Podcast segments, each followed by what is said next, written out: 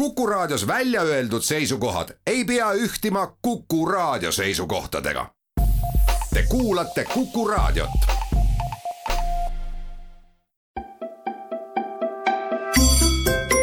haridusmõte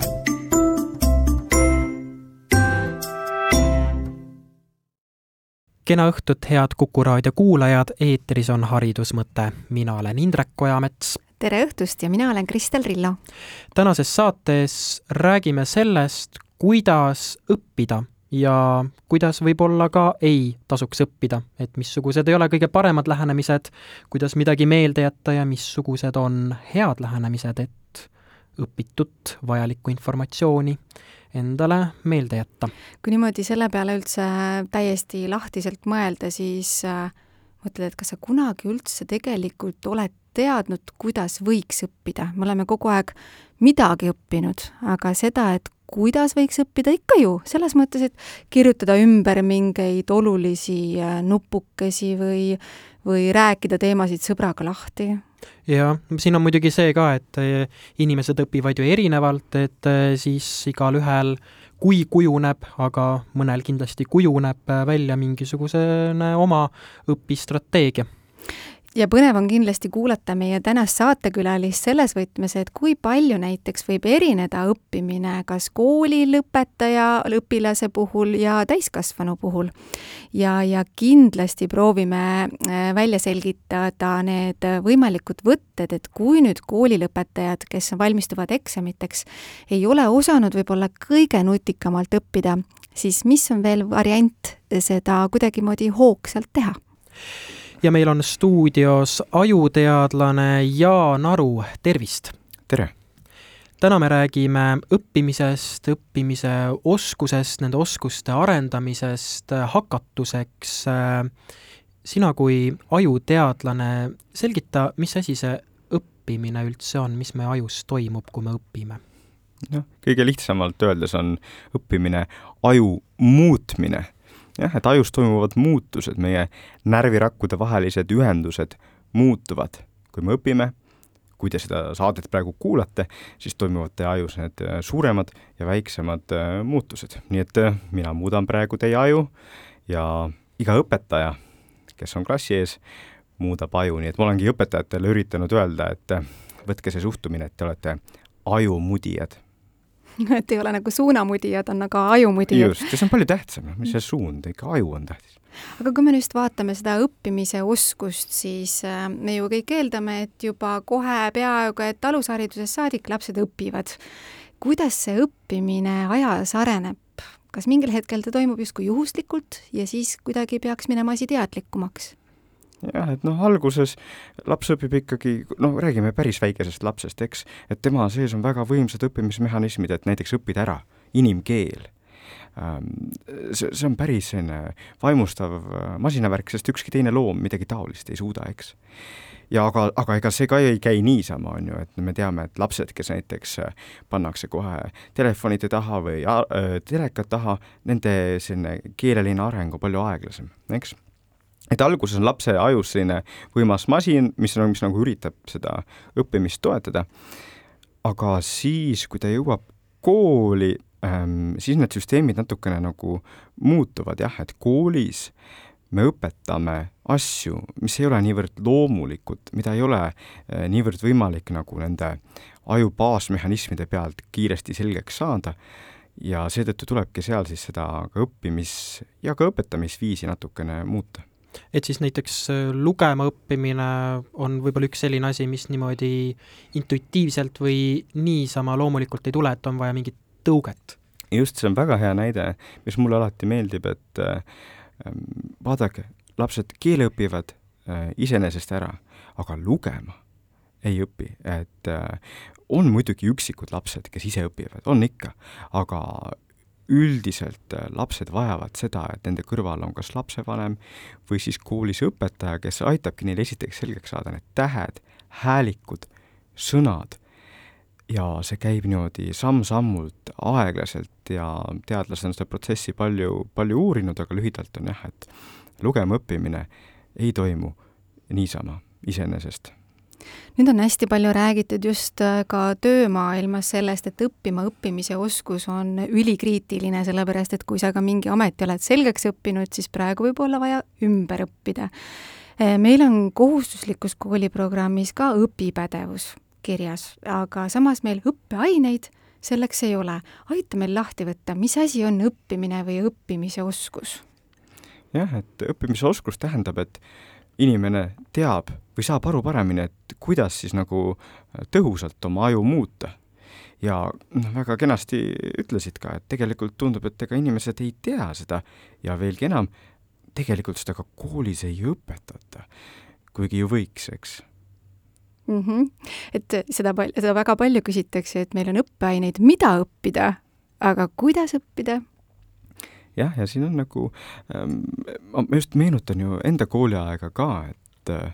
mul oli päris häid õpetajaid, oli ka keegi tegelikult öelnud, et mis see, kuidas nagu tõhusalt õppida. ja nüüd on ju siin umbes kakskümmend või rohkemgi aastat edasi, asi on läinud palju hullemaks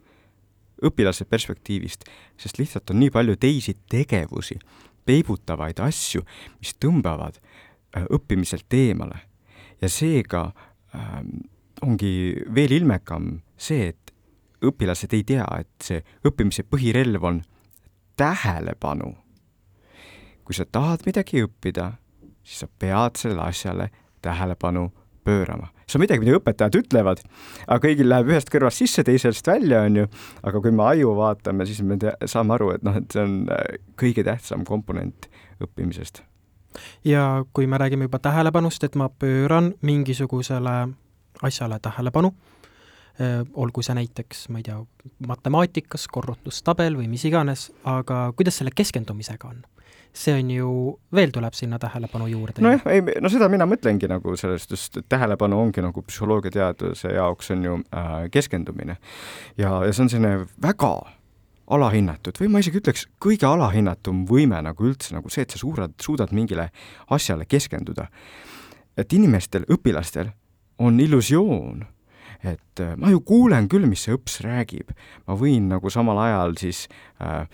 oma, oma mõtteid mõelda, ma võin samal ajal telefonis olla või kui on koduõpe, on ju, ma võin samal ajal nagu jututoas või kuskil nagu mingis chatis ükskõik mida teha, on ju. aga kui me teeme katseid, uurime seda asja, siis me näeme, et see ei ole nii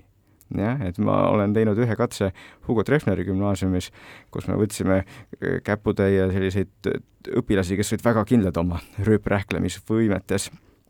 ja nad pidid siis äh, lahendama või kuulama kahte lugu ja siis nendele vastama ja ühe loo ajal, mida nad kuulasid, me nagu chat isime nendega nagu nutitelefonis, jah. Nende kõrv, kõrva ei olnud midagi pandud. Nad lihtsalt vaatasid seda telefoni ja kirjutasid sinna aga me nägime, et skoorid langesid umbes kaheksakümmend protsenti uh,. niisiis me tegime läbi viielisest, tegime kahelise uh,, läbi viielisest tegime läbi kukkuja lihtsalt sellega, et me manipuleerisime tema tähelepanu, eks. ja seetõttu uh, me teame teaduslikult väga kindlalt, et tähelepanu on see põhirelv, mille abil õppida ja võin öelda, et tähelepanu on see kõige nagu alahinnatum komponent, mida, mida jah, inimesed isegi ei tea või ei pööra tähelepanu, no nad ei pööra tähelepanu tähelepanu. aga kui siit anda mingisugused soovitused, et äh, inimesed, kellel on, olgu need üliõpilased, kooliõpilased äh,, kindlasti on mingid eksamid tulemas, on hulk materjali, mida sul on vaja ära õppida, kuidas siis keskenduda sellele, et missugused on need võtted, et kuidas keskenduda jaa, et siin üks vastus, mis kohe tuleb, on taust, oi, aga mina ei suudagi, mul on alati pea nii hajevil ja ma ei suudagi keskenduda, eks. aga tähelepanuga on selline asi, et üks asi on väga lihtne, mida me saame kõik teha. me saame korda teha oma õpikeskkonna. Ehm, et kui me oleme laua taga ja õpime, et meil ei käi seal silme ees telekas, et me võtame telefonil äh, hääle maha või siis vähemalt kõik need märguanded maha. jällegi kui me siin räägime siin saates, see tundub ju nii loomulik, aga enamik inimesi, enamik õpilasi ei tee seda, siis nad arvavad, et aa, need ei sega ju mind, et, et mis see, see ei sega ju mitte midagi. aga kui me kujutame seda ette, kuidas aju see asi on, et on ju see nagu ajumuster äh, üritab nagu asjast, äh, üritab muutuda kuidagi endasse nagu võtta seda, mida me õpime parajasti ja siis käib vahepeal see plin-plin, noh, siis läheb see muster kaob ära, vaatame vahepeal, mis see sõnum oli või mis seal Instagramis või kus iganes toimub, on ju, ja nüüd peame otsast peale hakkama tegema seda, see on väga ebaefektiivne viis õppida. Ja ravi sellele, nagu öeldud, ei ole mingisugune keeruline trenn või ei pea mingeid, ma ei tea, mis medikamente võtma, vaid peab lihtsalt oma selle kas siis laua või siis arvutis töölaua korda tegema, nii et meil ei ole teisi asju lahti et meil arvutis ei ole samal ajal lahti mingid jututoad, Slack ja nii edasi, mingid programmid, et meil ei ole laua peal telefon, mis kogu aeg piiksub ja nii edasi. või praetaldrikut. no praetaldrik, tundub isegi, et see, et see võib-olla segab veel, segab vähem kui nagu need nutiseadme piiksud, aga, aga põhimõtteliselt jah, et noh, et see, see on väga elementaarne asi, mida kahjuks inimesed ei tea, aga mida saab siit kohe selliseks nipiks öelda, esimeseks nipiks kas sellega haakub ka nüüd ammu-ammu-ammu äh, kuuldu, et voodis ei õpita ja, ja, ja vastupidi, laua taga ei magata, ehk siis sa õpid seal, kus on õppimise koht, mitte ei lähe näiteks söögilaua taha õppima äh, või ei lähe voodisse äh, lugema õpikut, et kas selline, selline kindel koht, kus kohas tehakse mingit konkreetset tegevust, on oluline? jah, see kahtlemata aitab aju, kui meil on oma õppimise nurk või ka kui me teeme tööd, on meil oma töönurk, jah. aga väga tähtis on tegelikult see, et see õppimise või töönurk ei oleks seesama, mis see on, mis, mis on see nurk, kus me pärast siis arvutis mängime või, või arvutis seal mingisugust äh, mingis suhtlusprogrammis oleme ja nii edasi. et aju teaks, et see on tõesti nagu õppimise koht ja, ja noh, mõnda asja saab lihtsalt teha, kui meil ei ole mingi la-, kodus mingit viitlauda, on ju, et noh, siis võib lihtsalt nagu õppimise ajaks liigutada arvuti ühte nurka,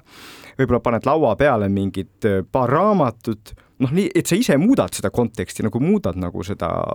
keskkonda natukene ja siis pärast, kui hakkad, ma ei tea, arvutiga mängima või mingit suhtlusprogrammi, siis paned arvuti teise kohta, äh, võib-olla teed veel mingi muutuse, on ju, noh, et, et sa teed sellest ühest lauast nagu kaks lauda. Ja kui seda muutust näiteks ma ei tee, et mi-, mis siis äh, mu ajus toimuma hakkab või mida minu aju arvab äh, kogu ja sellest lihtsalt, olukorrast? jah, et ajus on siis nagu see tunne, et aa, aga see on ju see koht, kus ma võiks ka mängida või, või seal mingis sotsiaalmeedias olla. Ja ta ütleb kogu aeg et tee seda, tee toda, et kuule, see, mis sa praegu teed, on väga igav, eks, noh, mitte niimoodi verbaalselt ei ütle, aga on see tunne, noh, paljud kuulajad teavad seda, on ju, et keskendud oma tööle või õppimisele ja siis on see tunne, et aa, ma ikkagi vaataks praegu seda telefoni või aa, no ma ei jaksa, okei okay,, ma vaatan korraks, noh, on ju. et, et äh, seda tunnet nagu vähendada, siis on vajagi neid segajaid ära võtta ja endale juba see plaan ka teha, et äh, õppimise aeg on õppimise aeg või ka tööaeg on tööaeg, et äh, ma ei vaata sel ajal oma telefoni ja üritan siis näiteks olgu see näiteks kolmkümmend minutit või nelikümmend viis minutit nagu järjest rahulikult kas õppida või tööd teha ja noh, siis võib paar minutit vaadata, mis seal telefonis toimus, on ju. et see on normaalne selliseid pause teha ja niimoodi ka teha, aga töö ajal või õppimise ajal tahaksime nagu keskenduda sellele asjale. see on lihtsalt nii palju tõhusam, noh. ja siin veel kord nagu seda öelda, et noh, mis on nagu alati nagu õpilaste illusioon olnud ja ma mäletan ise ka ju kooliajast, on see, et nagu noh, mida rohkem ma seda raamatut loen, seda paremini mul selge on. aga tegelikult ei ole nii sul on võimalik ühe korraga lugemisega tähelepanu, tähelepanu all lugemisega nagu palju efektiivsemalt nagu materjali endale mällu salvestada kui viis korda lugemisega, nii et sa oled teleka ees, eks. kohe liigume selle lugemisstrateegia juurde, aga veel korraks keskendumisest, võtame veel lauda ühe, ühe arusaama, muusika. Öeldakse, et on individuaalne, kas muusika aitab õppida või ei ole, või ei aita, kas me just sellise aju uurimise koha pealt teame targemini, kas ta siis aitab? Või on ikkagi tõesti niimoodi, et igaühel oma jah, et ta on igaühele oma, kuna inimestel on väga erinev selline noh, erutustase, milline nende see aju baaserutus on ja noh, see ka erineval päeval erineb, eks. ja kujutame ette niimoodi ümber pööratud U-d, eks et kui me oleme seal ühes otsas, noh, seal päris allpool otsas, on ju, siis me tahaksime seda muuta, seda seisundit, me tahaksime sinna üles, sinna nii-öelda ümber pööratud U keskele saada. aga nüüd olenebki, kummal pool me oleme kui me oleme liiga vähe erutunud, noh, kuidagi tõesti nagu tunneme, et, et ei jaksa midagi teha ja kuidagi ei ole sellist äh, hoogu ega vormi, siis võib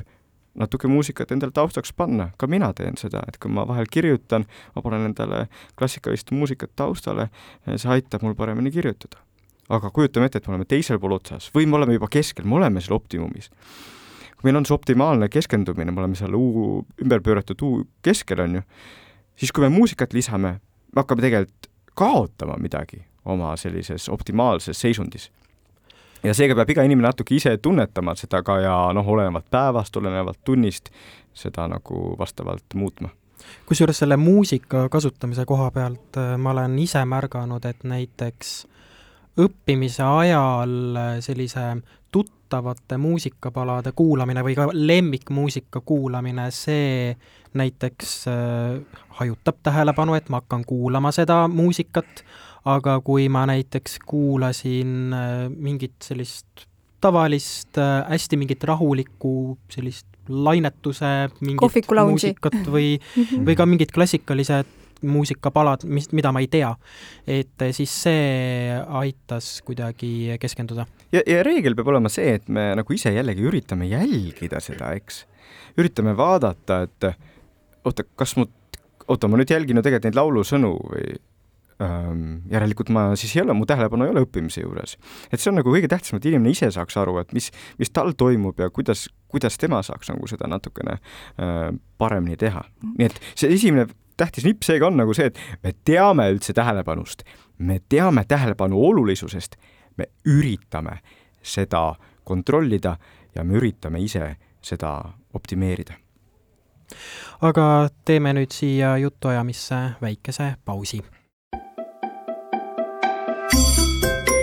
haridusmõte.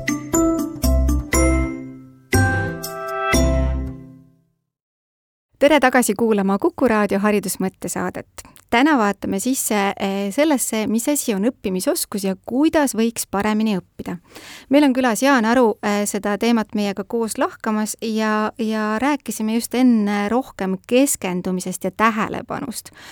nüüd liiguks aga lugemise juurde, et äh, kuidas siis lugemisstrateegia puhul targemini käituda ja toimida?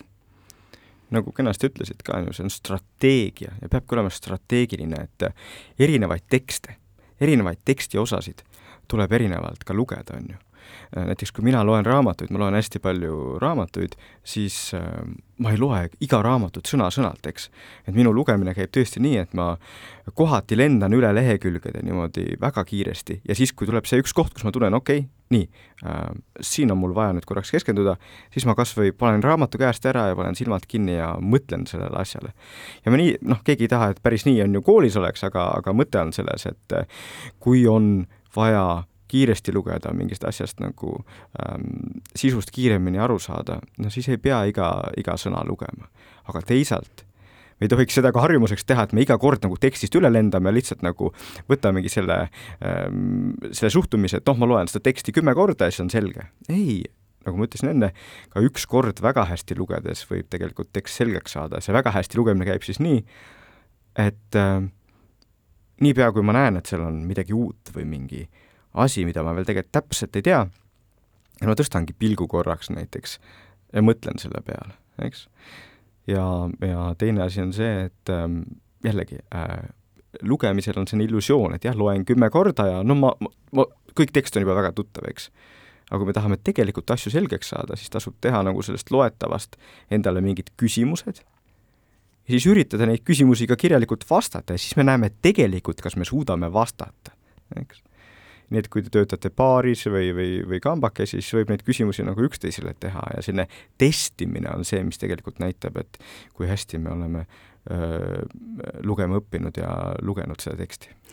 aga kiirlugemisest ikkagi, et äh, mida arvata sellisest kiirlugemisest, on see selline hea praktika väga kiiresti tekstid silma eest läbi lasta või no ole, oleneb, see siin ju väga oleneb, noh, et mis tasemel me oleme, mis on meie ajus juba olemas, eks. et kui ma toon enda näite veel, on ju, et ma, ma loen hästi palju raamatuid, aga palju nendest raamatutest räägivad teemadest, mida ma juba tunnen päris hästi. siis ma otsin nagu, vaatan, kas on nagu mingit uut näidet ja nii, et ma saan väga kiiresti aru, mis seal on. ja samamoodi, kui inimene, tal on taust juba, ta juba teab seda teemat, ta teeb mingit täiendõpet näiteks, ta teab seda teemat, siis ei pea nagu otseselt nagu liiga palju aega sinna investeerima, et see on, aga see on väga tähtis, noh, et inimene peab ju ise suutma selle otsuse teha, on ju. ja kui me nüüd räägime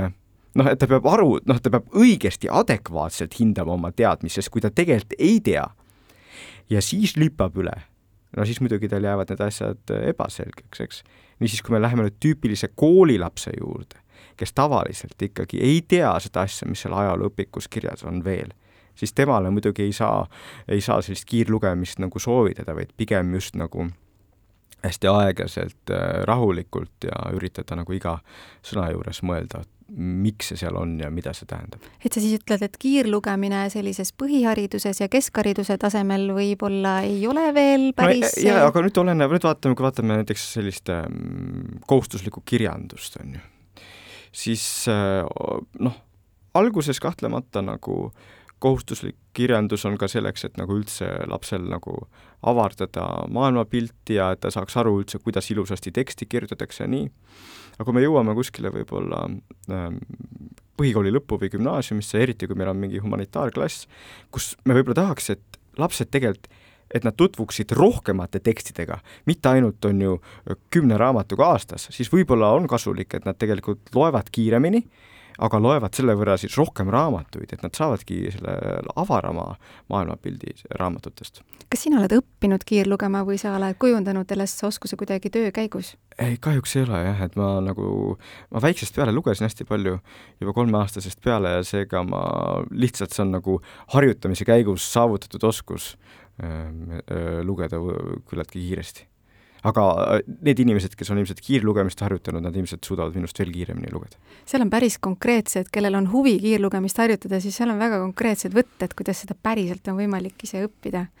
aga kui nüüd minna just äh, kooliõpilaste juurde tagasi, et noh, noh, on vaja teatud asju meelde jätta ja ja, ja, ja noh, seda teksti tarbida natuke raskemat ja natuke kergemat, väga palju räägitakse ka õpikute tekstidest, et need on liiga rasked selleks, et aru saada ka sisust. Et mis on siis sellised väiksed nõksud, noh, üks nõks, mida võib ju arvata, on teksti äramärkimine, aga sa ei saa ju õpikusse joonistada kas siis ongi ainult see küsimuste väljakirjutamine või on veel mingeid nõkse, mida võiks soovitada? no ideaalis me tahaksime ikkagi, et see oleks niimoodi, et õpilane loeb kodus ja siis koolis tegelikult äh, õpetaja abil või siis gruppides nagu arutatakse seda asja.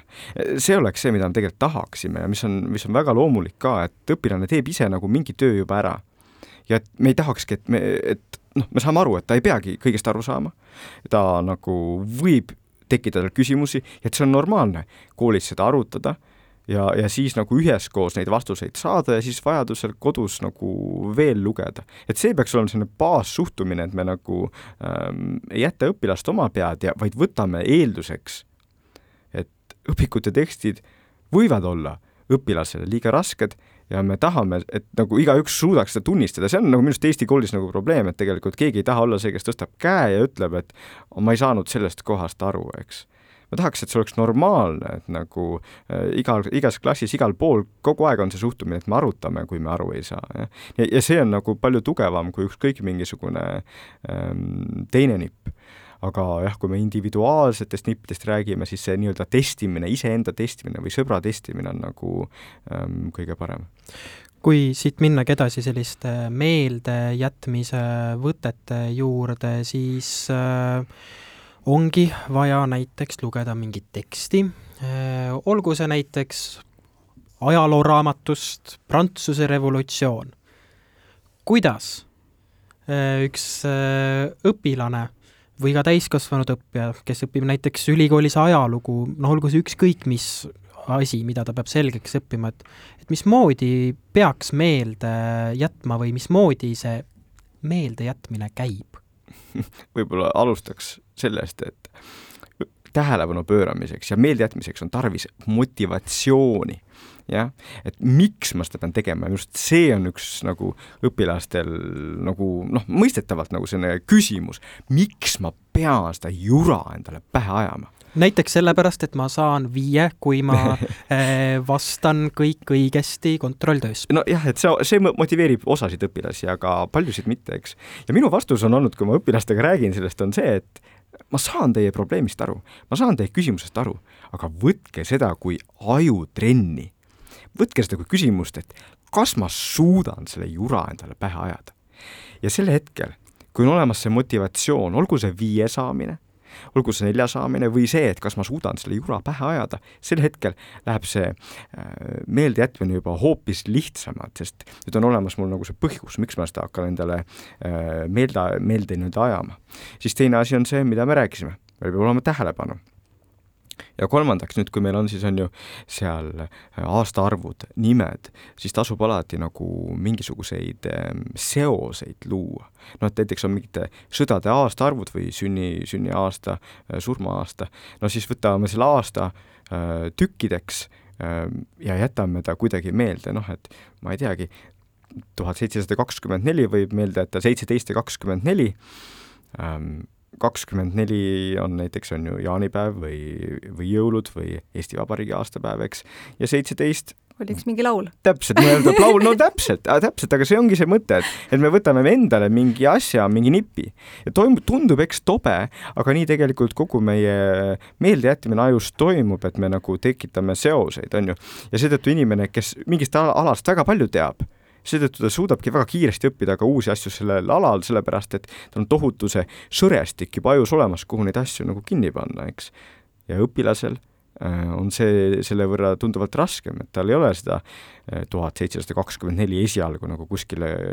kinni panna, eks, aga siis tuleb see sõrestik endale tekitada. siis ongi nagu õige see, et mida, mida, kuidas ma ütlen, naljakama või emotsionaalsema seose sa lood, selle suure tõen-, suurema tõenäosusega see sulle meelde jääb, jah? Niimoodi on jah, et meie mälu on selles suhtes, meie mälu ei ole üldse nagu mingisugune tehisintellekti või robotimälu või arvutimälu, äh, mis tuimalt lihtsalt jätab kõiki fakte meelde, vaid meie äh, mälu vajab seda, et oleks mingisugune eriline asi sealjuures, need asjad, mis on põnevad, need asjad, mis on emotsionaalsed, äh, need jäävad palju paremini meelde. see on ka trikk, mida õpetajad nagu võivad teha, et kui on ikkagi mingi asi, mis on nagu ähm, väga oluline reegel, väga oluline ähm, teadmine, siis tasub seda kuidagi eraldi esile tuua mingi nipiga siit võib-olla üks näide enda kooliajast äh, vene keele tunnis. oli vaja selgeks õppida sõna tõsta primitšatelnost, mis on selline päris, päris pikk sõna. ja võib-olla üks põhjus, miks see sõna üleüldse kuidagi meelde jäi, oli see, et äh, mitmed teised klassikaaslased hoidsid kahe käega peast kinni, et no mis, no mis, mis asi see on selline, et no nii pikk asi, aga siiamaani on meeles. just, just, ja me näeme siis seda üldist reeglit ka, et vaata, noh, sul tuli see näide meelde, on ju, et meie mälu töötab nii, ta, ta ei, ta ei pane lihtsalt fakte kuskile kataloogidesse nagu arvutis, vaid ta paneb nagu äh, seoseid kokku nagu, mingi asi seostub sellega ja siis nad jäävad niimoodi koos meelde, nii et sellist aktiivset seostamist tasub nagu õpilasel teha, kui ta õpib ja õpetajal teha, kui ta õpetab, et vaadake, see on seoses sellega, vaadake, samal aastal seal hoopis teises kohas juhtus selline asi ja nii edasi, et me nagu aktiivselt loome neid seoseid. aga missugune roll on õppimise protsessis meenutamisel, et ma olen juba lugenud ära mingisuguseid tükke, olen proovinud meelde jätta, mingisuguseid seoseid luua, aga see meenutamine, et kui oluline see on? jah, tegelikult me oleme seda ju siin juba ka vähemalt kaks korda maininud sõna testimise all, eks, et et see, mida me ütlesime testimine, see tegelikult, tegelikult on ju meenutamine, eks. et sa testid, et sul on mingi küsimus ja sa hakkad selle vastust kirjutama, aga et seda teha, pead sa meenutama, eks. selle, et seda teha, pead sa mälust ammutama äh, seda teavet ja noh, ütleme seda siin, siin veel kord, et äh, on lugedes äh, teksti läbi, tekib illusioon, et um, iga kord loen kiiremini, läheb paremini, aga mis tegelikult loeb, on ju see, kas sa siis eksamil või arvestusel või kontrolltööl selle asja äh, kirja saad. ja seega tulebki teha seda meenutamist või siis testimist, et me ka nagu üritame neid vastuseid kirjutada reaalselt ja vaadata, kas meil see tegelikult nagu meeles on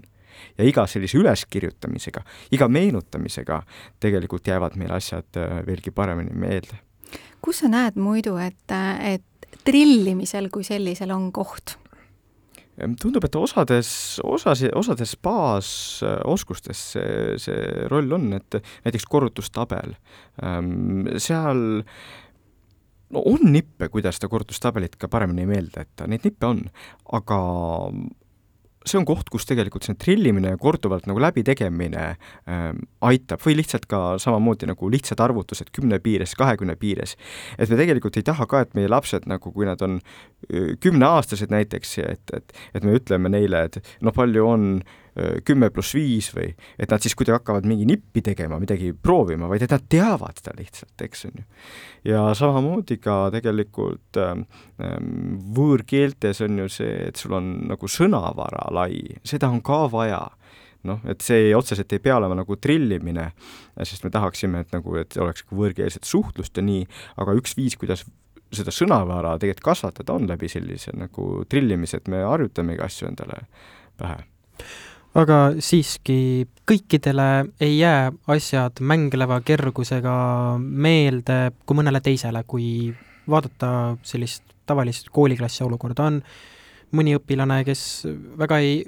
väga, väga palju tundub, et ei peagi tööd tegema, et äh, asjad jäävad äh, meelde võrreldes mõne teisega, kes peab metsikult palju tööd tegema, et õpitu meelde jääks kuidas siis sellega on, et kas siis on osad inimesed, kellel ongi nii-öelda kõva pea või, või mis täpsemini toimub? no õnneks kolju on meil kõva kõigil, aga jah, et äh, nagu äh, pikkuse, juuste kasvu ja nii edasi puhul äh, on ka ajus nii, et on tohutu erinevus ja variatsioon üle inimeste ja ka üle klassi. et ajud lihtsalt on erinevad ja osadel ajudel tõesti on selline äh, antud selline mälu, mille, millega on lihtne kõiki asju meelde jätta, teistel kahjuks nii ei ole. Ähm,. mina alati ütlen, et äh, lapsed on erinevad, aga ma usun sellesse, et igas lapses on nagu potentsiaal ja igas lapses on nagu mingisugune tugevus, aga noh jah, et mälu ei pruugi esmapilgul vähemalt see tugevus olla, aga ma siia ütleksin selle asja juurde, mida me korraks juba mainisime, aga mida noh, kooli kontekstis tavaliselt ei, ei mõelda, on see, et kui nüüd laps, talle asjad jäävad halvasti meelde, äh, siis sellel võib olla ka teisi põhjuseid. näiteks see, et ta ei ole öösel hästi maganud. näiteks see, et ta ei magagi öösel hästi või näiteks see, et tal on kogu aeg mõtted mingisuguste muude asjade peale, eks. et see, et asjal nagu lapsele ei jää asjad hästi meelde, see ei pea kohe täge-, tähendama, et tal ongi nagu bioloogiliselt nagu halvem mälu, ei, võib-olla on mõni asi, mida me saame tegelikult väga lihtsalt korrigeerida, kui laps paremini magaks või ta nagu keskenduks, eks, nagu olen korduvalt rääkinud, jah noh, siin tegelikult on ju ka, ma tahaks hästi palju uskuda seda, et noh, igal juhul, kui kõva pea sul ka on, sa saad alati mingi sammu edasi astuda, et see motivatsioon oh, ei, ja võimalus, eks ju. selge see ja teine asi, mis on väga tähtis, mida me korraks mainisime, on see, et kui sa juba mingil teemal nagu oled palju õppinud mm, -hmm. sa oled juba öö, teada saanud palju, siis kui sul on palju teadmisi, eelteadmisi, siis sul jäävad asjad paremini meelde, isegi kui nii-öelda alguses, selle asja õppima, õppima, õppimise alguses sul ei jäänud asjad meelde, nii et eelteadmiste roll on tähtis ja need,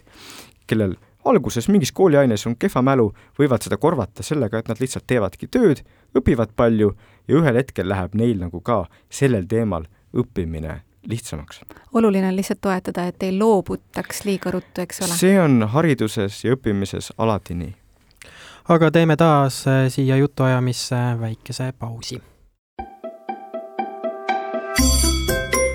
haridusmõte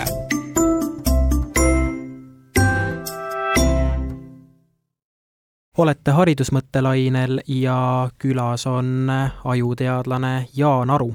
ja edasi räägime sellest, et kuidas sellise abi kasutamisega on, et õpetaja on justkui ka suunaja koolis, ta abistab õpilasi, aga millal siis nagu tohiks õppijat aidata ja millal oleks vaja, et ta ikkagi ise prooviks leida mingisuguse lahenduseni? no ilmselt me tahaksime, et, et õpilane nagu esialgu äh, midagi vähemalt nagu ise ka prooviks, see on lihtsalt äh, hea nagu ka tema mm, mälustruktuuride arendamiseks ja õppimisstruktuuride arendamiseks, eks. et äh, me tahame just seda, et, et see oleks selline kooslus, on ju. et õpilane teeb nagu mingi töö ja et, et õpilased kõik teavadki, et see on normaalne, et ma teen ja üritan ise mingi töö ära teha aga teiseks, et nii õpilased, lapsevanemad kui ka õpetajad teavad, et see on ka normaalne, kui õpilane nagu lähebki siis kas lapsevanema või õpetaja juurde ja ütleb, et ma, ma sellest ei saanud aru või ma seda ei osanud teha, et, et, et see oleks, see oleks ka selline asi, mis, mida aktsepteeritakse ja mille vastuseks on ikkagi see, et äh, jah, üritame, üritame siis äh, koos seda asja vaadata. kuidas selliste loovate ülesannetega on, et kas seal võiks seda abi anda kuidagi vähem, et anda lapsele, noorele inimesele, noh, anda inimesele mingisugust öö, võimalust luua ise midagi või kuidas sa siin soovitaksid toimida? loovus on lai teema, sellepärast et eh, ühelt poolt võib vaadata, et nagu koolihariduses üldse nagu seda, see loovuse aspekt on tegelikult ju noh, väga kitsas või teda nagu väga paljudes tundides nagu justkui üldse ei ole vaja ja kuidagi ei soodustata, eks. nii et kõige laiemalt ma ütleks seda, et me tahaksime, et nagu igas tunnis oleks see loovuse komponent sees, et õpilased ka matemaatikatunnis õpi-, üritaksid tulla teistmoodi lahenduse peale, ka ajalootunnis näiteks mõtleksid, et mis oleks olnud siis, kui see isik ei olekski sündinud või kui ta ei oleks saanud, on ju äh, selleks riigijuhiks ja nii edasi ja nii eda-, edasi. ja siis selliste loovate ülesannete puhul ähm, noh, muidugi me tahaksime, et õpilane nagu ise üritaks genereerida mingisuguseid äh, variante aga mis ongi tähtis, et nagu koolisüsteem, kuna ta nagu sellist loovust võib-olla, võib öelda natukene nagu summutab või pidurdab, siis me ei saa nüüd näiteks kümnenda klassi õpilase juures öelda, et nii, nüüd järsku hakkame loovalt ja nii, pane ise nüüd on ju siia viis vastust kirja, on ju, et nii me ei saa. pigem me tahaksime, et nagu algusest peale, esimesest klassist peale loovus saaks Eesti koolis nagu oluliseks, et me üritaksimegi nagu igas tunnis iga teema puhul nagu leida nagu mitut lahendust ja mitut viisi, kuidas sellest mõelda ja siis läheb õpilasel see ka palju lihtsamaks, kui ta teab, et nii me teemegi ma saan aru, et see just teaduse poole pealt on ka teada, et see loovus pigem läheb järjest alla, et lasteaias on sellele loovusele ja mängulisuse ja innovatiivsusele nii-öelda rohkem rõhku ja siis läheb aina rohkem allapoole kahjuks ta nii on natukene ja ma noh, ma ütlen, et ega ma saan aru sellest, koolisüsteem on peamiselt ju ka mõeldud nii, et, et me tahame lastele nagu teadmiseid nagu aiu sisse panna, eks. aga ma ütlen, et äh, võib-olla tänapäeval me enam ei peaks nii mõtlema me tänapäeval tahaksime rohkem arendada just seda loovust, et lapsed suudavad ise mingite uute variantide peale tulla. Ja mm, tahaksin, et see, mis lasteaias on olemas, koolis jätkuks ja et koolis tegelikult seda pigem nagu võimendataks. Sa oled äh, äsja ka valmis saanud Ahjusooja raamatuga teemal loovusest ja lugelemisest, mis sind ajendas seda raamatut kirjutama? No üldiselt kõik see, mis ühiskonnas ka toimub, eks, ja see, et mul on endal lapsed, kes nüüd on äh, sellises vanuses, kus peab mõtlema nutiseadmete peale ja, ja kus nad äh, on kooli läinud, eks, et millist ühiskonda mina tahaksin, mida mina tahaksin, et minu lapse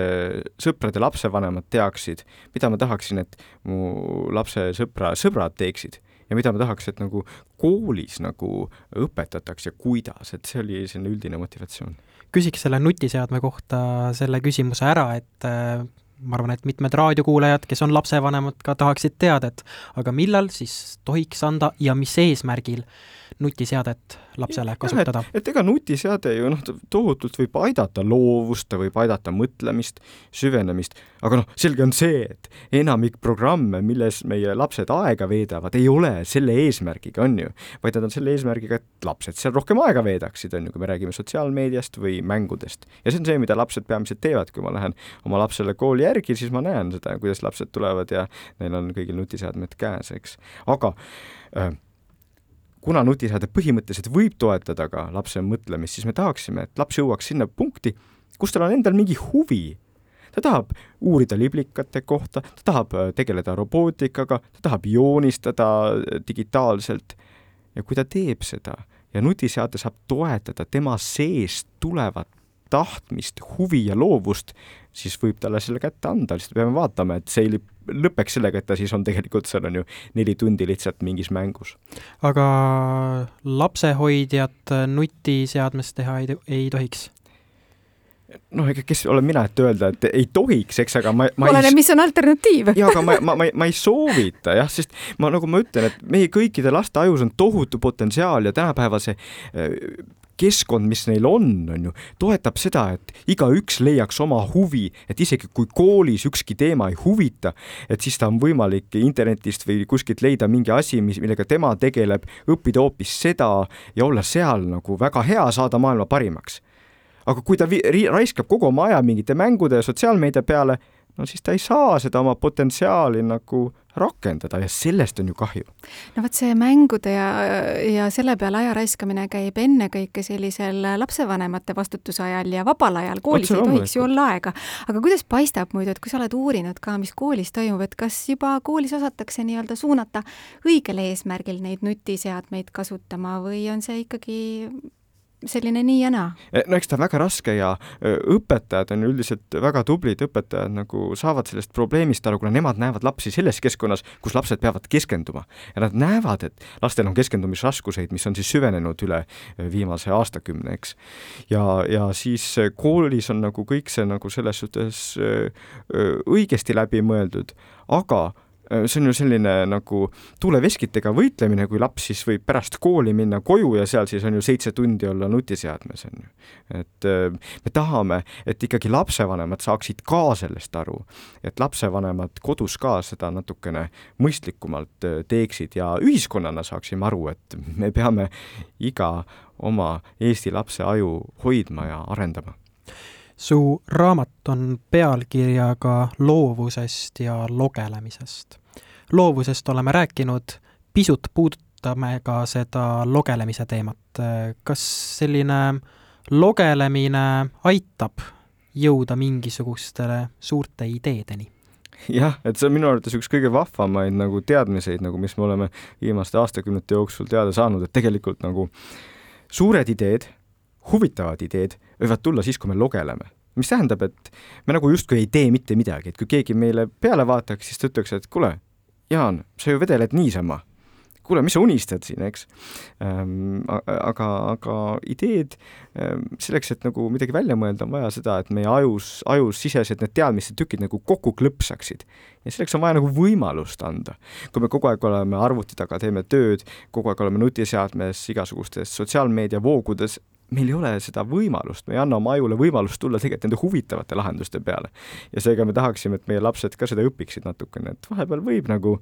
niisama pikutada või niisama metsas jalutada ja mingisuguseid oksi korjata või onni ehitada või ükskõik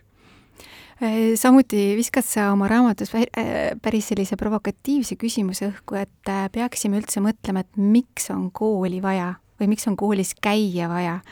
et miks, miks see, mis on ajendanud sind sellele mõtlema, et jaa, et noh, ma näen seda äh, kooli muutuvat rolli nagu mitmest küljest, eks ühelt poolt ajuteadus, teiselt poolt psühholoogia, neid kahte oleme natukene juba käsitlenud, ja kolmandaks ka tehisintellekt. ma töötan algoritmidega, mis suudavad paari päevaga selgeks õppida vastused kõikidele küsimustele, mida me lastelt küsime koolitestides ja siis mulle tundub, et on täiesti mõttetu nagu kaksteist aastat lapsi treida selleks, et nad sellest algoritmist äh, nõrgemad oleks. ja seega ma tahan, et nagu me seal koolis ähm, teeksime ikka ajutrenni, me ikka õpetaksime lapse, lastele tükke, mida on vaja, aga samas, et me pööraksime rohkem tähelepanu sellele, et kes see laps võiks olla, äh, mis tast võiks saada, ähm, mida ta võiks välja mõelda, ühesõnaga mitte, me ei taha nii väga talle asju sisse panna, vaid tahame avada tema võimalusi ja ähm, et kool oleks see koht, kus laps leiab, kes ta on, mida ta oskab ja mis on tema tee. ja kui ta kooli lõpuks seda ei leia, et tal vähemalt on need tööriistad, kuidas ta leida siis järgmiste aastate jooksul aga siiski